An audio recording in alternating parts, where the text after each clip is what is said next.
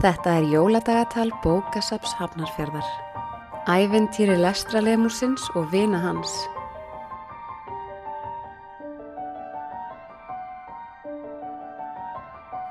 Mikið var notalegt að komist inn í hlýju og fá sér smá bita.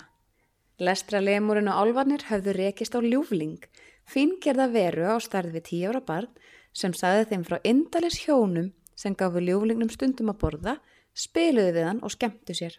Ljúflingurinn fylgdi lestralemurnum tátu og teit heim til hjónana og það brást ekki að dömurnar tóku á mótu þeim öllum með brós á vörum og ylvolgum vöflum með heimagerðri sultu og rjóma.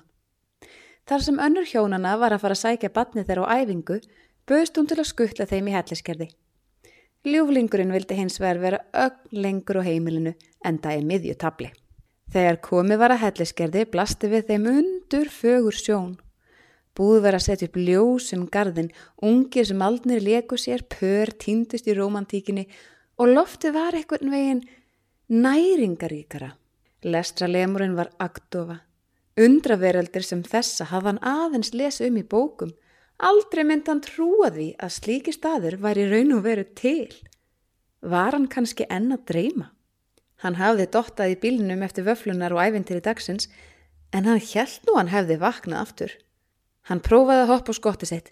Á! Allt í lagi, hann var potið vakandi. Táta og teitur voru ögt smeg við að halda henni helliskerði. Hvað ætli hafi breyst? Hvað er fjölskyldan flutti og þau vissu ekki af því?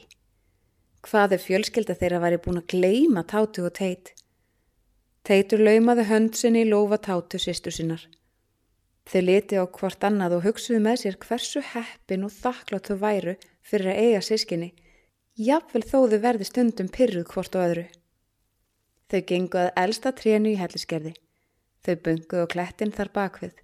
Hvað heldur þú að hafi gerst næst?